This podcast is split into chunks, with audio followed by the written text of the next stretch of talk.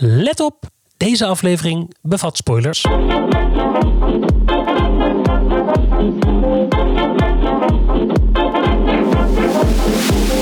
Ik vind hier iets van. De podcast met discussies zoals je die in de auto voert. Of in de trein, Of op het terras. of in een bubbelbad. Of overal dus. En het gaat over... Over... Over musical.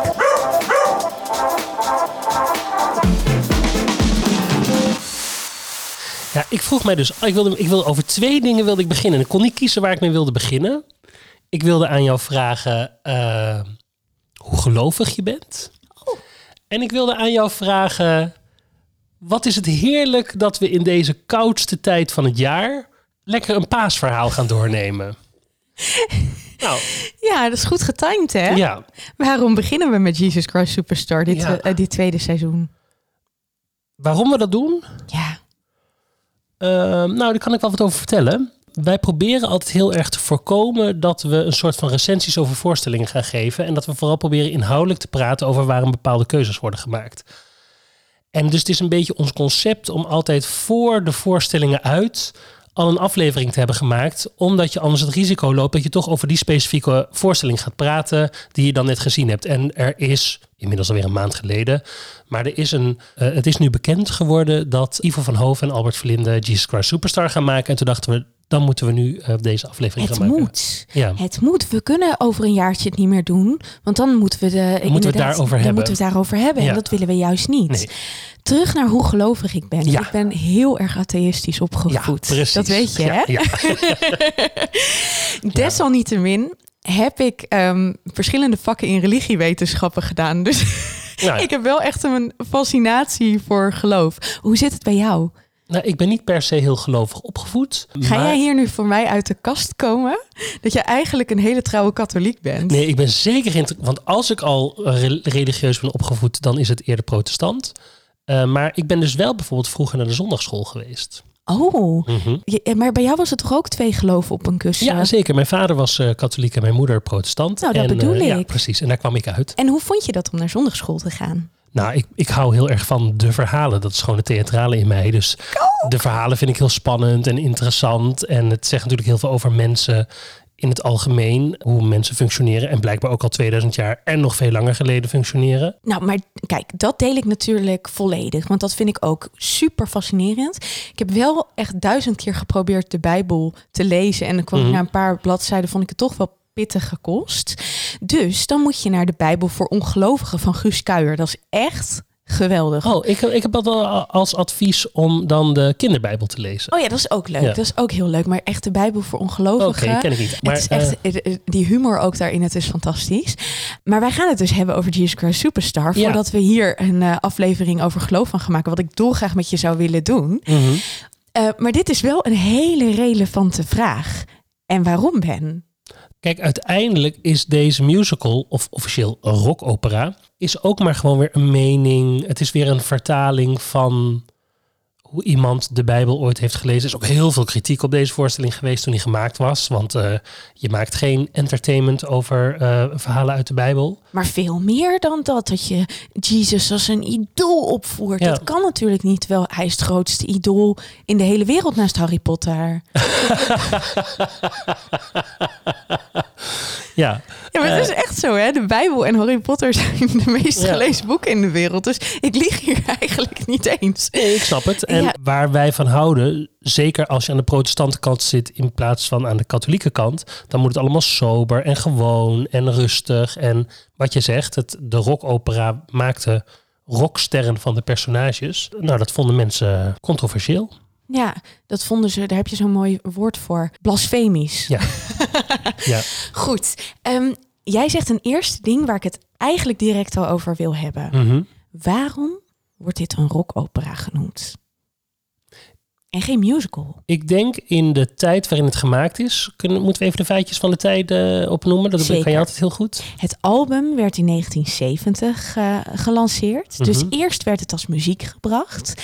Wat natuurlijk in dit geval heel speciaal is. Want bij wijze van spreken is het al bijna een hoorspel. Nou ja, dat is, dat is te... te Ja. Maar je- omdat het natuurlijk doorgecomponeerd is... kan Mhm. je in het hele album het hele verhaal ook al horen. En omdat de meeste mensen het verhaal sowieso wel kennen, eh, kan je sowieso makkelijker meeluisteren met alleen het album. Precies. Nou, in 1971 kwam er eh, eerst een concert in Amerika. Daarna een adaptatie op eh, Broadway. Of adaptatie eigenlijk gewoon de original versie. Ja. En een jaartje later op West End in Mhm. 1973 kwam... Onze Ted. Ja, onze Ted. Ted Neely als Jezus in de film Jesus Christ Superstar. ja, dat is toch wel de film. Want je hebt meerdere versies. Daar gaan we het later nog over hebben. Mhm. Maar dit is wel een beetje... Ja, dit is de versie. Mhm. Goed. Eh, het is in context geplaatst, jaren 70. Ja. Een tijd waarin natuurlijk de hippie-beweging al gaande was. Dat Mhm. was helemaal niet opkomend, dat was er. We hadden de Beatles, eh, het, eh, de jaren 50, waarin geloof nog heel erg centraal stond. En het gezin en eh, de zuilen er zeker ook in, bijvoorbeeld in Nederland nog waren. Eh, dat was over de hele wereld toch wel vervaagd. Eh, De nou, dat, dat, was precies, dat was bezig. gaande. Want je merkte bijvoorbeeld, dat zie je ook in Nederland met eh radio Omroep Veronica. eh, al dat soort, er kwam steeds meer plek voor rock, voor andere muziekstijlen dan eh, eh, Cliff Richard, die gewoon brave liedjes zong. Hoewel Cliff Richard in die tijd ook al best wel weer brutaal tussen aanhalingstekens was. Eh, maar ja, er kwam gewoon ander geluid. Ja. En het leuke is, dat moeten we voordat we nog even naar de, eh, voordat we echt naar de rockopera gaan. Mhm. Eh, dit was niet de eerste voorstelling, de eerste eh, musical die Andrew Lloyd Webber Nee, maakte. De tweede. Precies, maar de eerste was ook, Ook een een, Bijbels, Bijbels ja, verhaal. zeker. Joseph, Joseph Ja. and the Amazing Technicolor Dreamcoat. Ja. Wat een heel eclectisch ja, eh, de stuk is Zeker, in muziekstijlen. ja. Ieder nummer is weer totaal anders. Van gospel tot aan reggae, tot aan rock wat er ook in zit. Tot Ja. aan eh, eh, ja, de, de- een standaard musical ballad eigenlijk. Hoe standaard dat op dat moment was in de jaren 60 zal dat Mhm, dus geweest zeker. zijn. Dat was helemaal niet zo standaard nog destijds. Maar van dat eclectische stuk Mhm. ging Andrew Lloyd Webber dus echt naar een rockopera. Ja. En nou mag jij. Nou, ik denk dat hij het een rockopera heeft genoemd, omdat anders dan wat we tegen in die tijd eh, wisten van musical. Musical was dat gewoon een groot orkest. ehm My Fair Lady. Gershwin, My Fair Lady, al dat soort eh, grote orkestliederen met strijkers. Ja, exact. Allemaal eh, dat soort dingen. En eigenlijk is dit het eerste grote, want het werd al wel vaker gedaan, maar het grote ding waar de elektrische gitaar een rol kreeg. Oh, in die overturen. Oh. En ook in Heaven on Our Minds, daar de, de hele tijd dat loopje. eh, dus die, ehm, en de drum en de gitaar kregen dus gewoon een rockachtigere functie. En vanuit daaruit denk ik ook dat hij eh, de poging heeft gewaagd om het zo te noemen en niet per se een musical. Nou, en dat vind ik fascinerend, want dat wordt nog steeds heel erg doorgevoerd. En eh, ik merkte dus heel erg bijvoorbeeld op mijn opleiding dat heel veel mensen die zeiden dat ze niet van musical hielden, wel Jesus Christ Superstar Mhm. Ja. kunnen waarderen. En dat Want vind dat ik altijd. Precies, maar dat vind ik dus ook altijd heel ingewikkeld. Want dan dacht ik, ja, in basis, wij hebben het er al wel eens eerder over gehad. We hebben natuurlijk een eh, aflevering over Evita gemaakt. Mhm. In basis zit het niet heel anders in elkaar. Nee, dat klopt. Maar ja, dat, Het is een ja, verhaal, het is doorgecomponeerd. Ook in Evita zit zeker eh, een rock-invloed. Zeker. Dus wat maakt het dan dat je bij Evita denkt... nee, nee, nee, nee, nee, nee, nee. Nou, ik denk dat hij echt bewust gezocht heeft naar andere manieren om een ander woord te geven aan de manier waarop hij nu een musical in elkaar zette ten opzichte van de musicals die er waren. Nou ja, en dat werkt dus, vind ik, in die zin... doordat mensen dus dat woord overnemen... en uiteindelijk niet dichter bij de musical komen te staan. Ja, maar ja, precies. Dus, maar ik denk dus gewoon dat het een marketing tool is geweest. En eh, dat heeft in die tijd vast gewerkt. En het werkt misschien nu nog steeds wel, maar het werkt voor musical lovers werkt het tegen. Waar gaat Jesus Christ Superstar over? Want het gaat natuurlijk over Jesus. Over Jezus, Jezus en zijn vrienden. Jezus en zijn eh, twaalf apostelen. Ja, Zalig. ja zeker. Ja. Ja, ik, ik Ik weet, jij twijfelde bent naar bijbelschool Ja. Ja, en eh, nou ja, eigenlijk, ik, ik zou het niet meer zeggen, maar laten we meteen hem erin gooien. Heb je gewoon Valjean en Javert. nee, maar het gaat over, je hebt ja, uiteindelijk gaat deze voorstelling wel over twee mannen Eh, Gek genoeg gaat deze voorstelling meer over Judas dan over Jezus. dat is wat ik wilde En zeggen. eh, waar het echte Bijbelverhaal over Jezus gaat.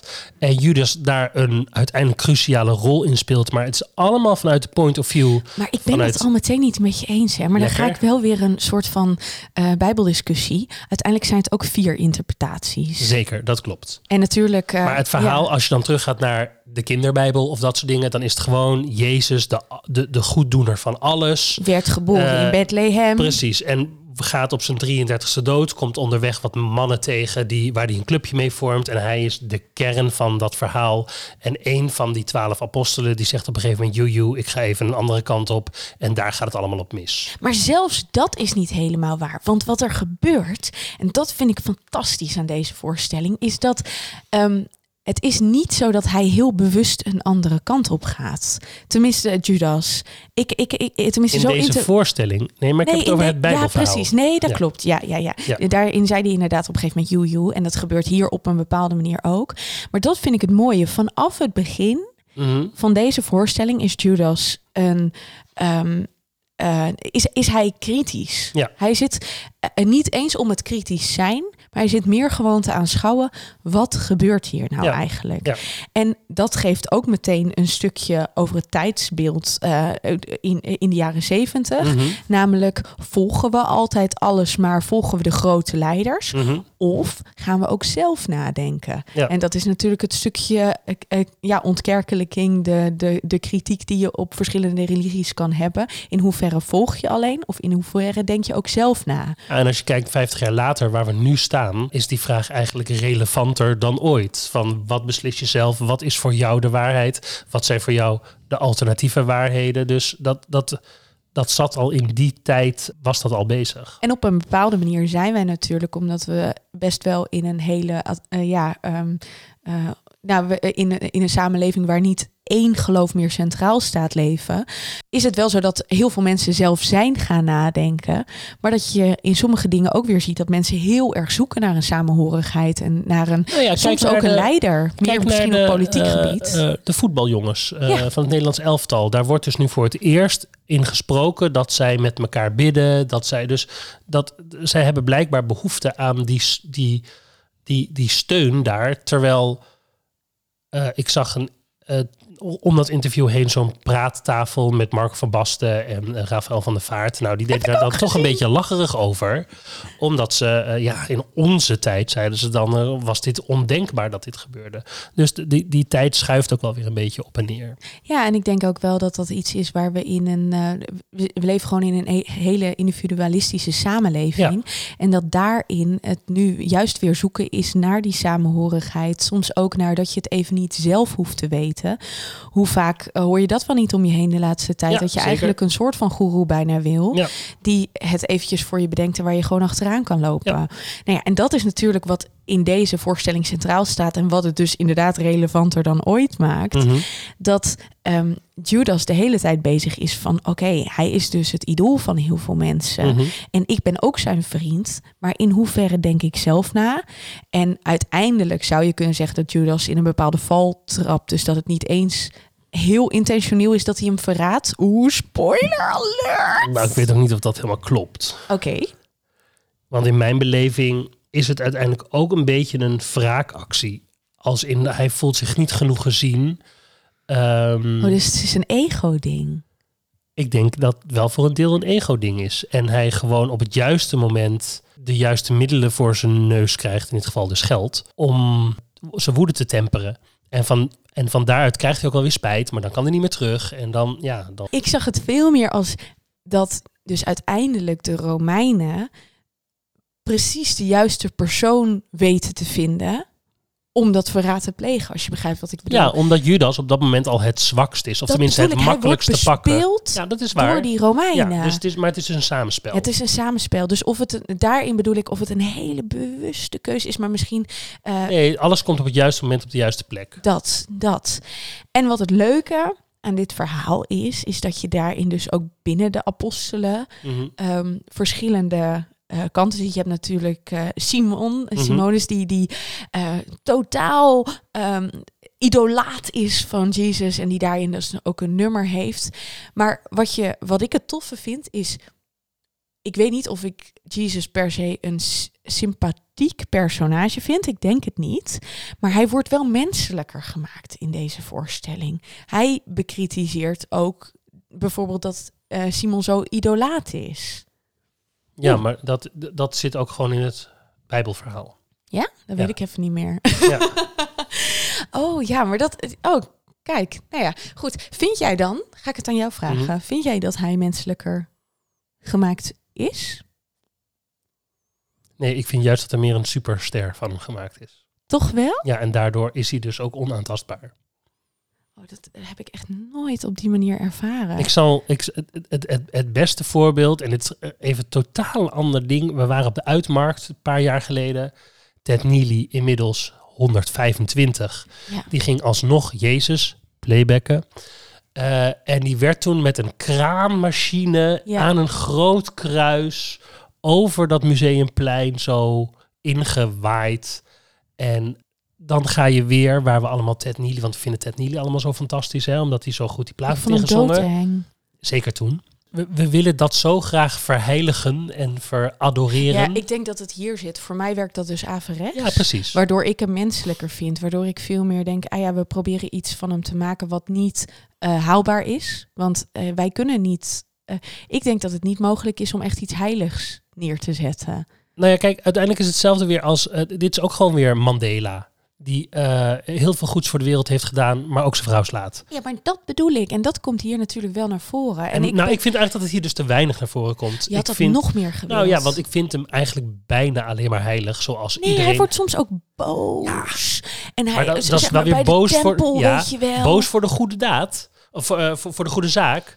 Het is boos worden om, eh, omdat het plein vercommercialiseerd wordt en het geloof eh, als marketing wordt ingezet. Ja, ik denk dan toch dat ik heel erg de perceptie van hem heb dat het toch een beetje een boeddha. Maar dat je denkt van, oh ja, maar hij wordt niet echt boos boos. Ehm, en je hebt gelijk, dat zit natuurlijk ook gewoon in het verhaal. Maar toch, het, hier zie je het gebeuren. Waar je in een verhaal, als je het voorleest, als je het leest, eh, zelf een interpretatie moet maken. Is het op het moment dat je het zo vertolkt ziet.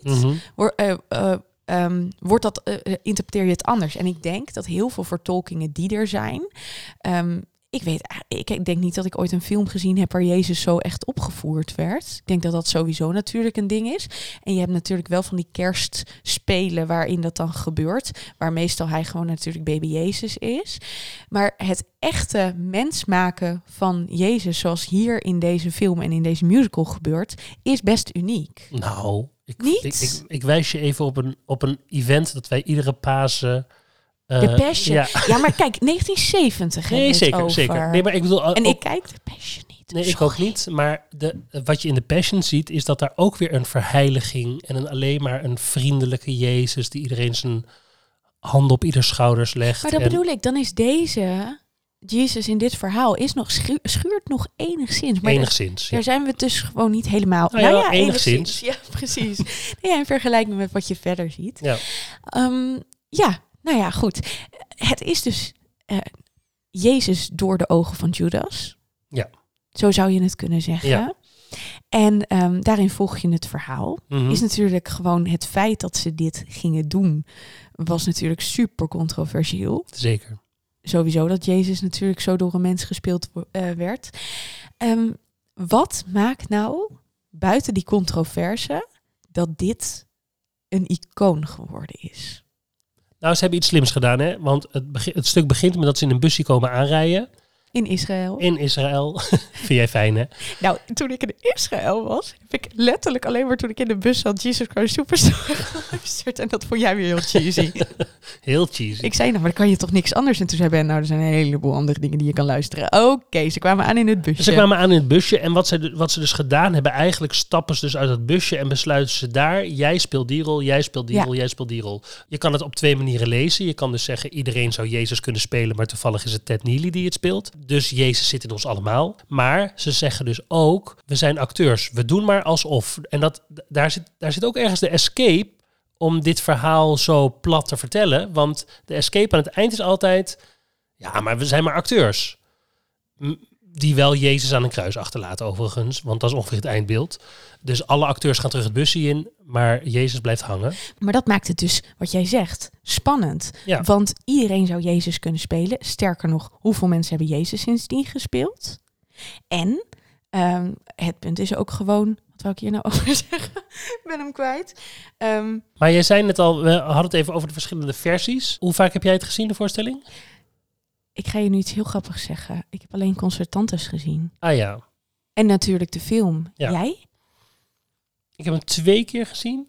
Eén keer in Londen en één keer hier in Nederland. En natuurlijk de film. En er zijn dus, want daar wilde ik eigenlijk heen. Er zijn heel veel, gek genoeg, heel veel theatrale filmen gemaakt van eh Jesus Christ Superstar. Ik denk dat er wel vier of vijf opnames zijn waarin ze een beetje in een theatrale-achtige setting... Eigenlijk registraties ja, bijna. Ja, registratie plus. Want het is wel Ja. echt met camera op het toneel en rondlopen. Maar er zijn best wel veel pogingen gedaan om die film weer opnieuw tot leven te krijgen. Die allemaal niet gelukt zijn in mijn ogen. Ja, en die allemaal dus ook niet gedaan hebben wat ze in die film gedaan hebben. Namelijk dat stukje wat jij vertelde van... Met de bus. Je komt met de bus en je gaat dit nu naspelen. Ja. Maar daarin zit, daar zit dus ook een soort van simpelheid, een soort van rauwheid. En even terug naar dit is theater wat we aan het doen zijn. Ja. Ehm, maar dat ze veel meer terug... eh, Dat is misschien mijn hele punt. Wat ze in die registraties doen, is dat ze toch het op een bepaalde manier waarachtig willen maken. Waar ik het gevoel heb dat ze dat in de film niet eens geprobeerd hebben. Snap je wat ik dan Ja, zeg? ja, ja, zeker. En dat is misschien ook nu de hele tijd mijn punt als ik het heb over Jezus als personage. Jezus waarachtig willen maken is iets heel moeilijks. Ehm, en dat maakt het ook meteen controversieel. En dat maakt het ook in die tijd zeker innovatief. Want inderdaad, de passion is er nu, maar was er toen nog Nee. niet. Nee. Maar er wordt dus ook heel weinig gebruik gemaakt van theatraliteit. Mhm. Omdat het allemaal zo waarachtig moet zijn. En in die film niet. Eh, nou, uiteindelijk ook... Kijk, wat ik het allerbeste wat ik van Jesus Christ Superstar heb gezien... is de Londen versie. Ik denk dat ik dat gezien heb in 697 of zoiets. En daarin kreeg hij bij zijn 39 eh, zweepslagen... Daar hadden alle acteurs hadden een soort van verf in hun handen. En die smeten die verf op zijn rug. Waardoor er dus bloed ontstond in een soort van zweepbeweging. Maar zonder zweep, zeg maar. Eh, en dat vind ik dan weer heel prettig. Want dat is dan weer een vertaling. Het is niet dat iemand staat eh, met een zweep staat nee, en dat er want dan wordt het weer een- vervelend een om naar te kijken. op de vloer zit waardoor het geluidseffect nog even harder is, maar dat hij ernaast slaat. Hoe heette die vreselijke geproduceerde Mel Gibson film? The, Pas- the Passion of the Christ, heette het zo? Ja, dat zou kunnen. Ik heb die niet gezien. Nou, dat, daarin gingen ze dus juist alle bloederigheid dubbel, dubbel dik erbovenop leggen. Dus bijvoorbeeld dat zwepen, dat ging dan niet met een zweep, dat ging dan ook nog eens met een zweep met weerhaken, weet je wel. En dit zag je dan ook nog echt in dat vlees. En al dat soort dingen, dat vind ik, dat is zo over de top om de heftigheid weer te geven. Terwijl als je het dus theatraal maakt, dan, dan gaan we het geloven. Dat is een beetje... eh, Nee, maar dat is pre- precies wat ik bedoel met van dan gaat het niet over de waarachtigheid, dan gaat het niet over de heiligheid van we zijn hier Jezus aan het naspelen, we zijn hier een verhaal aan het vertellen. En die persoon waar wij over vertellen is toevallig heilig. Maar dat vind ik ook wel menselijker. Dat, precies, want dat vind ik ook wel interessanter aan. Ik zou graag willen dat het daar meer over zou gaan. En ik vind bijvoorbeeld ook bij de Passion dat het daar meer over zou moeten gaan. Over dat Jezus eigenlijk een mens is die toevallig wijze dingen doet, zegt, die daardoor volgelingen krijgt, maar ook gewoon een mens is en eh, die op een gegeven moment geslachtofferd wordt om een veel grotere cause dan. eh, eh, Het eerlijke plaatje van Jezus. Nou, maar dan hou je hem gewoon simpeler. En dat is denk ik wel wat iedereen altijd probeert te maken. De, de menselijkheid van Jezus. Maar het is gewoon met Jezus super moeilijk om hem menselijk te krijgen. Maar mag ik het dan nu over die af, dat afgrijzelijke concert in Ahoy hebben van een paar jaar geleden? Waar Ted Neely, ja, mag, ik zal proberen zo kort mogelijk te Oké, houden. laat, laat, laat ik eerst zeggen. Ik vind Ted Neely ook in de film een hele slechte acteur. Ja, ik ja, vind ja. het echt super saai om naar te kijken. Nu mag jij over Ted Neely. Oh ja, ja, ja, ja, ja. Nee, dat ben ik zeker met je eens. Ehm, wat er. En, en vooral, ik vond Judas, gewel, eh, Judas geweldig. Dus dan is er ook zo'n contrast. Maar dat vreselijke Ahoy-concert. Mhm. Ben je daar geweest? Nee. Nee, ik wel. Want ik had via vakantieveilingen, had ik geloof ik voor 4 euro kaartjes kunnen krijgen. Ook echt heel erg, hè? want je moet voor dat soort dingen gewoon hartstikke netjes betalen, lieve Mhm. mensen. Er wordt hartstikke hard gewerkt. Het kost allemaal hartstikke veel om dat te maken. Maar goed, ik heb, eh, ik heb dit gedaan. Eh, wat er dus gebeurde is in mijn optiek dat het dus bijna een verheerlijking werd van Ted Neely. Mhm. Dat het bijna niet eens meer over Jezus ging. Wat ik dus ook echt dood en dood en dood eng vond. Deze man, die inmiddels een jaartje of tachtig was, kreeg Maria Magdalena van, nou, nee, ik wou zeggen twaalf, dat is natuurlijk weer overdreven, maar wel in de twintig. Ja. Waardoor, zeg maar, als het dan dus over een soort van waarachtigheid gaat, dat ging er helemaal af. Wij zaten met z'n allen naar de Ted Neely show te kijken, Mhm. omdat hij toevallig de Jezus in de film was. En op een gegeven moment kwam hij dus ook, eh, hij was van het toneel af en hij kwam, er was een soort van film waarin hij dan aankwam lopen. En dan kwam hij op een gegeven moment ahoy binnen via een deur. Nou, en de hele zaal vond dat natuurlijk fantastisch. Want iedereen, oh, daar is hij, ik kan hem bijna aanraken. En ik dacht alleen maar, wat eng, wat eng, wat eng. Dit is gewoon een man die gewoon ooit in een film heeft gespeeld, die daar toevallig heel erg prompt mee geworden is. Maar dan komt hij in zijn witte capeje aanzetten en iedereen doet alsof die, nou, ik, eh, vreselijk. Maar wat het allerergste was, en toen, eh, dat was ook het moment waarop ik afhaakte, is dat er kwam een moment, dat was volgens mij, en dat durf ik niet met zekerheid te zeggen, maar na de kruisiging, waarop heel groot in beeld kwam, Arbeit macht vrij. Die poort in Auschwitz. En vanaf dat moment kwamen er alleen maar projecties van wereldproblematiek die eh, de afgelopen decennia, eh, afgelopen eeuwen gespeeld eh, heeft en die nog steeds speelt.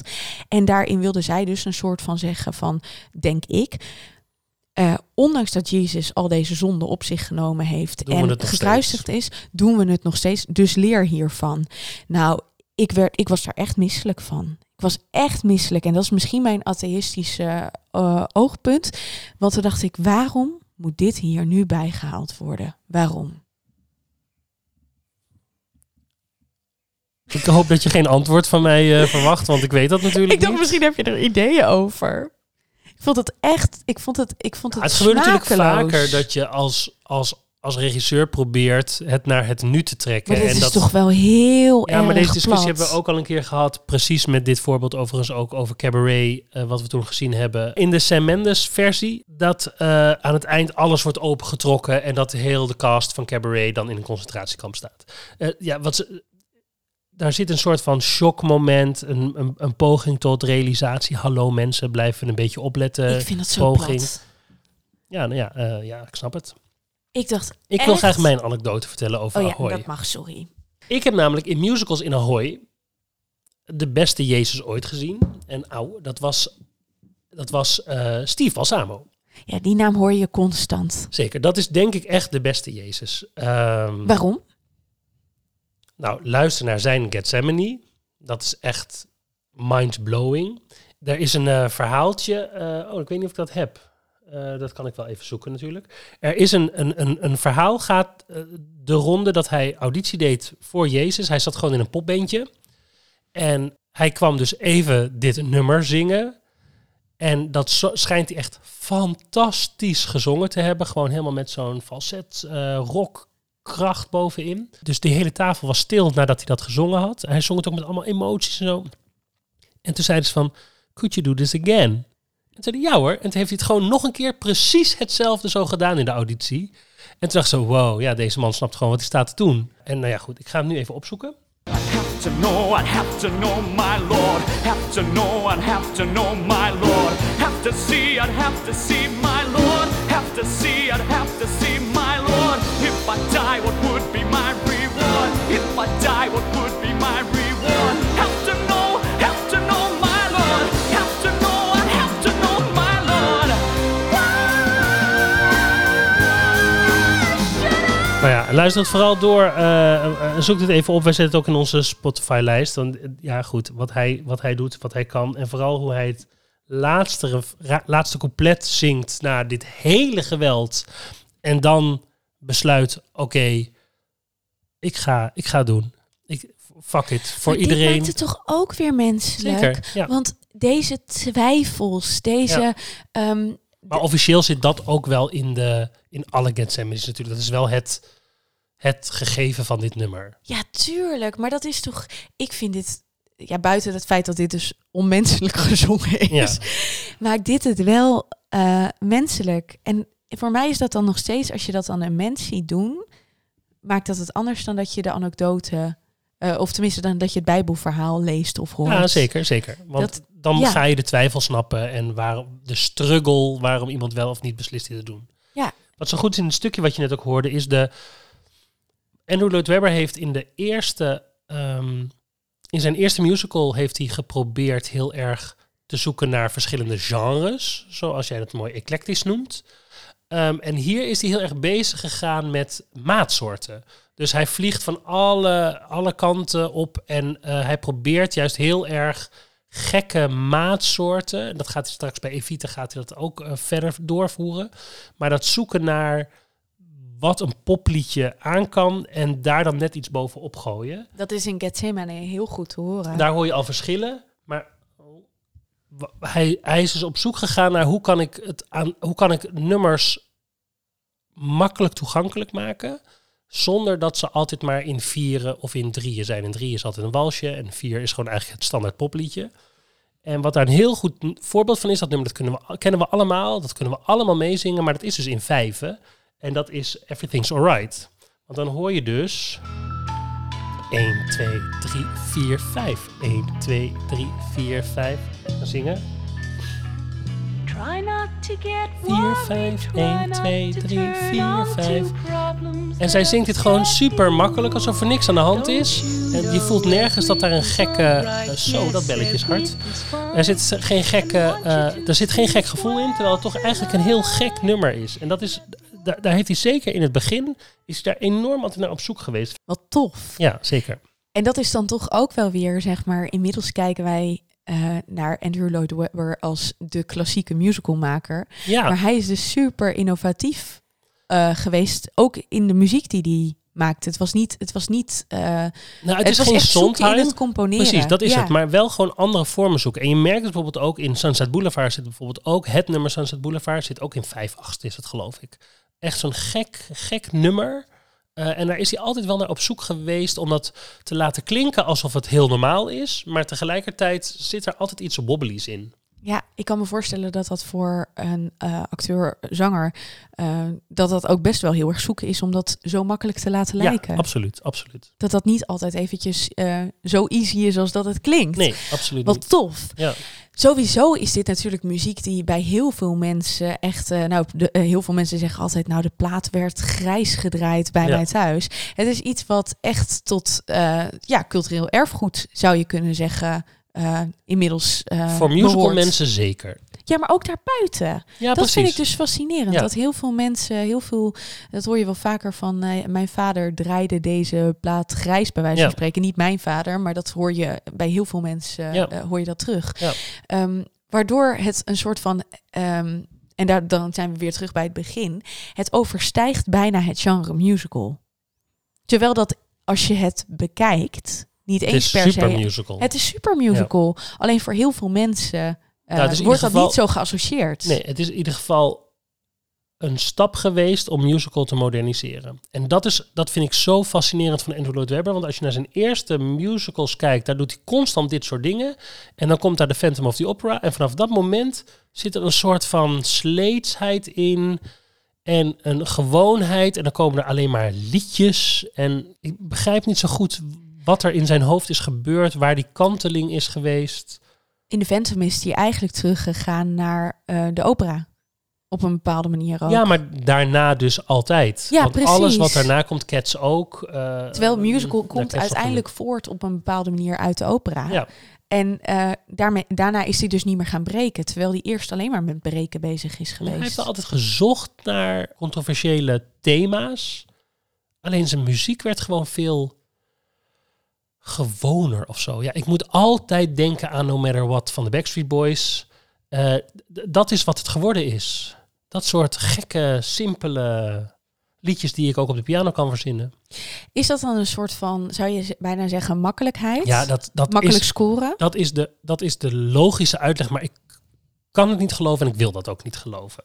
Heb je hier ooit wel eens een interview of zo met hem over gezien? Nee, Want hij is natuurlijk op een gegeven moment een icoon geworden zelf. ja, Eh, ja, eh, hij is inmiddels ook Sir, geloof ik. Zeker. En eh, hij is op een gegeven moment ook die programma's, die castingprogramma's Mhm. en zo gaan doen. waar hij dan naar- een soort van, ja. inderdaad in de Willem Nijholt. Nou ja, Ja. Willem Nijholt is uiteindelijk ja. hem. En-. Ehm, dus hij is op een gegeven moment natuurlijk ook mega commercieel geworden. Ja. En hij oont ook, geloof ik, een stuk of acht theaters in, in Londen. Het Ja. is, hij is een eh, buiten een exportproduct ook gewoon echt zelf een. eh, ja, hij, Andrew Lloyd Webber is, is een, een, een, een markt. Ja, een, een- oh zo, een ja, ja, snap je? marketing ding, ja. Een marketing ding. Het is, hij, is, hij is gewoon Hij een en al commercie geworden. Ja. Ja, nee, maar dat is het. Dat is het. Hij is geworden waar hij zich in het begin dus, eh, waar Ja. hij in het begin kritisch op was Ja. op een bepaalde manier. Ben, als we het dan over de muziek hebben, welke muziek mag niet ontbreken in onze Spotify Nou ja? Gethsemane van eh Steve Balsamo mag natuurlijk niet eh, missen. Ehm, Heaven on Their Minds. Heaven on Their. Minds en Jesus Christ Superstar zelf. Ja? Ja, ik snap het wel, maar dat daar is uiteindelijk misschien wel het nummer waar ik het minst mee heb. Nou, omdat het een heel gek nummer is, ook dat zal ik er heel even bij pakken voor het idee. Je moet even luisteren wat, ja, wat er dus nu gebeurt. Je hoort opeens, hier zijn superveel violen, strijkers. Hier is opeens een heel orkest. Terwijl dat hele rock gebeuren, daar valt het eigenlijk allemaal een beetje in weg. Nou van de vier gaan we dan toch weer, oh, we doen nog een rondje. Maar daarin, eh, eh, het valt weer zo buiten, de, de klank valt buiten de rest van de musical.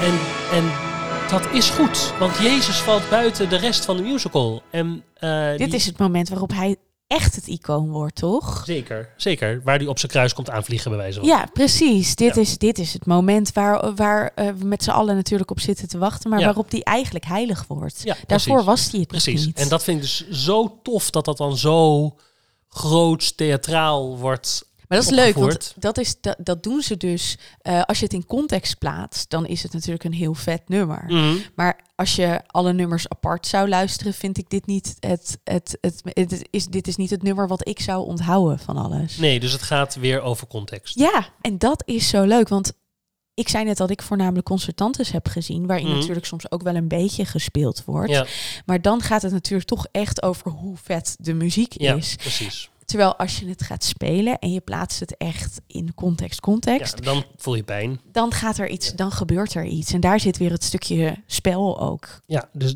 dus dat, dat zou... Was Steve Pleiten Balsamo ook een goede acteur? Omdat jij zei dat hij dus echt als een soort van ja, rock... ik vond, ik vond... Nou ja, goed, hij was dus ook een soort van heilig. Daarom was hij ook gewoon naar musicals in Ahoy overgevlogen natuurlijk... om zijn trucje weer even te doen. En dat trucje deed hij fantastisch. Want ik zat op rij eh, 7000 en gelukkig waren de schermen. Maar ik had echt het idee dat hij het alleen voor mij zong. Dus dat, dat was heel goed. En hij moest dan na de pauze, ja, want hij was er nou eenmaal, dus moest hij nog ergens een lelijk nummer uit Dracula zingen, waar niemand ook wat mee had. Maar ja, dat had hij, had hij waarschijnlijk contractueel onderhandeld van, ik wil dit doen, maar dan moet ik ook dat doen of zoiets. Maar hij heeft me wel echt geraakt. En ehm, dus die versie die ik net ook liet horen van hem, dat is de versie die ik ook in Londen heb gezien, maar niet met hem. Want ik eh, heb het een jaar of twee jaar later gezien. En het grappige is, wat ik me nu dus ook zit te bedenken, en dan eh, waar we in het begin het over hadden, het is het perspectief van Judas. In wezen is Judas een vettere rol. Ik denk dat het Judas heeft veel meer te spelen. Dat wou ik zeggen. Ja, dus ja. ik denk ook, als je buiten het feit dat wij zeiden dat Ted Neely, dat jij zei van dat Ted Neely niet de allerbeste acteur ever is, Mhm. het is ook wel echt een ingewikkeldere rol. Ja, zeker. Ik denk dat je ehm, als acteur best een kluif eraan hebt. Om tot, het niet heilig tot te aan maken. Ges- Gethsemane, want Ja. dat is echt het spelnummer. Ja, nou ja, dat, eh dat tempelnummer is natuurlijk ook Ja, wel... dat eh, is waar. Dus er zitten wel wat momenten in, maar de, de, de- de zweem van heiligheid is gewoon zo moeilijk om die als acteur eraf te krijgen. Heel veel acteurs met wie ik eh, spreek hierover zullen altijd zeggen, ik zou Judas willen spelen. Ja, zeker. Ik kan me dat ook echt voorstellen, want dat is zeker in de musical het, het, het spannendste karakter. ja. Hoe, hoe de, de, de, de, de, de route die hij loopt om uiteindelijk te doen wat hij doet en uiteindelijk eh, zichzelf eh, daarvoor op te hangen. Ja, hij is uiteindelijk Wat gewoon... overigens ooit een keer mis is gegaan, hè? Er is ooit een acteur die eh, zichzelf heeft opgehouden. Oh, wat erg. Ja, Oh, oh, wat erg. ja. En daar zit je dan een zaal naar te kijken. Ja. We hadden het net nog heel eventjes over dat alles eh, voor een heel groot deel rock is. Mhm. En dat dan uiteindelijk in eh, het eh, themanummer een andere stijl wordt gekozen. Mhm. Maar het is niet helemaal waar, hè? Nee, Want het is het het nummer opening. van- ja. Van, ja, want de, het nummer van Simon bijvoorbeeld is pure gospel. Mhm. Uiteindelijk is deze voorstelling toch ook eclectischer Zeker, dan dat zeker. we in het begin nee, dat is aange- helemaal waar. dat is Nee, dat klopt. Hij heeft natuurlijk, hij, hij, hij zet wel Jozef door in die zin. Alleen Ja. het valt net iets minder op. Hij heeft Je- iets meer bij Jozef zou je- gekozen. Precies, bij Jozef zou je gewoon in de zaal kunnen zitten, zou je een soort van bingo kaart van allemaal muziekstijlen kunnen maken en dan kun je ze gewoon allemaal meevinken. Oh, wat lijkt me dat heerlijk. En hier, het lijkt iets meer bij elkaar te horen. Het is dus net iets meer één geheel. Maar je hebt gelijk, er zitten natuurlijk ook nog steeds wel uitstapjes in. ja. Maar hoe verhoud jij je dan tot Jesus Christ Superstar? In basis zitten alle archetypes mens in dit verhaal.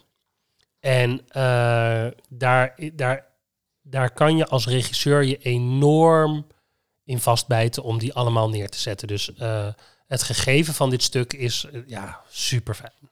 Ja, maar dat, dat. Dus het gaat niet alleen over muziek. Nee. Want het is dus waanzinnige muziek. Mhm. Maar het is dus ook, en dat zal hem dan toch misschien ook zitten in eh, het feit dat dit een van de grootste verhalen ter wereld Mhm. is, dat het een fascinerend verhaal is. Nou, dat het vooral fascinerende personages heeft. En dat het dus vooral dat, er, dat je bij heel veel mensen kan afvragen: waarom heb jij gedaan wat je gedaan hebt?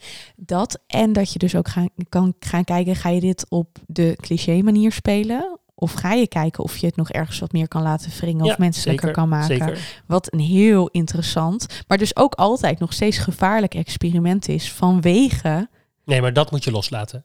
Je moet dit, als je dit verhaal gaat maken, mag je nooit nadenken over de heiligheid en over het feit dat je eventueel Maar mensen ik denk dat zou dat kunnen nog veel kwetsen. veel gebeurt. Maar dan moet je dit stuk niet maken. Spannend. Mhm. Ik ben heel benieuwd wat er natuurlijk eh, mee gaat gebeuren over een jaar. Zeker. Ehm, wij zijn er. Zeker. Dank voor het luisteren allemaal. En ehm, wij zijn natuurlijk nu gewoon aan ons tweede seizoen begonnen. We hebben alweer een hele leuke volgende aflevering in ons, eh, eh, in, ja, nou ja, in, ons, in, in gedachten om te gaan maken. Maar wij hebben natuurlijk nu twee musical reisjes gemaakt. En hoe leuk zou het zijn als wij na dit tweede seizoen weer ergens heen kunnen? Zeker. Dan kan je ons helpen door petje.af. Inmiddels is de link iets Ja, veranderd, is- maar hij staat in de show notes. Volgens mij is het petjeaf.nl inmiddels Nee, geworden. .com denk ik zelfs. .com en dan dus slash eh, musical. Musical, Ik vind ja. hier iets van. Hij staat goed in de show notes in ieder geval. Ehm, dus wil je ons weer op musical reis sturen waarin wij van alles gaan bekijken. Ik hoorde iets over Rebecca die naar eh West End gaat. Nee. Ja. Ja. Ja, of we moeten gewoon naar Wenen. Ja, nou leuk. Ik heb hem al ooit eens gezien. Jij nog niet. Nee, ik niet. Hoe leuk zou dat zijn? Zeker. Dus eh, steun ons. Geef ons of gewoon een applausje of een staande ovatie. Dankjewel voor het luisteren. En we hopen je heel snel eh, weer... Nou, ja, wat doe je dan? Te zien is een slecht... eh kan niet te horen. Weer nee. te luisteren. Nee, ja, precies. Want jullie luisteren dan hopelijk naar ons en wij niet. Wij hopen heel snel weer in gesprek te En gaan. reageer wel. Reageer alsjeblieft in een DM van Insta is echt mag de ik, beste mag plek. ik alvast zeggen wat we gaan doen? Nee. De volgende? Nee. Oh, maar ik heb er zo zin in. Ja, dan moeten jullie luisteren. Tot gauw. Dag. Doeg!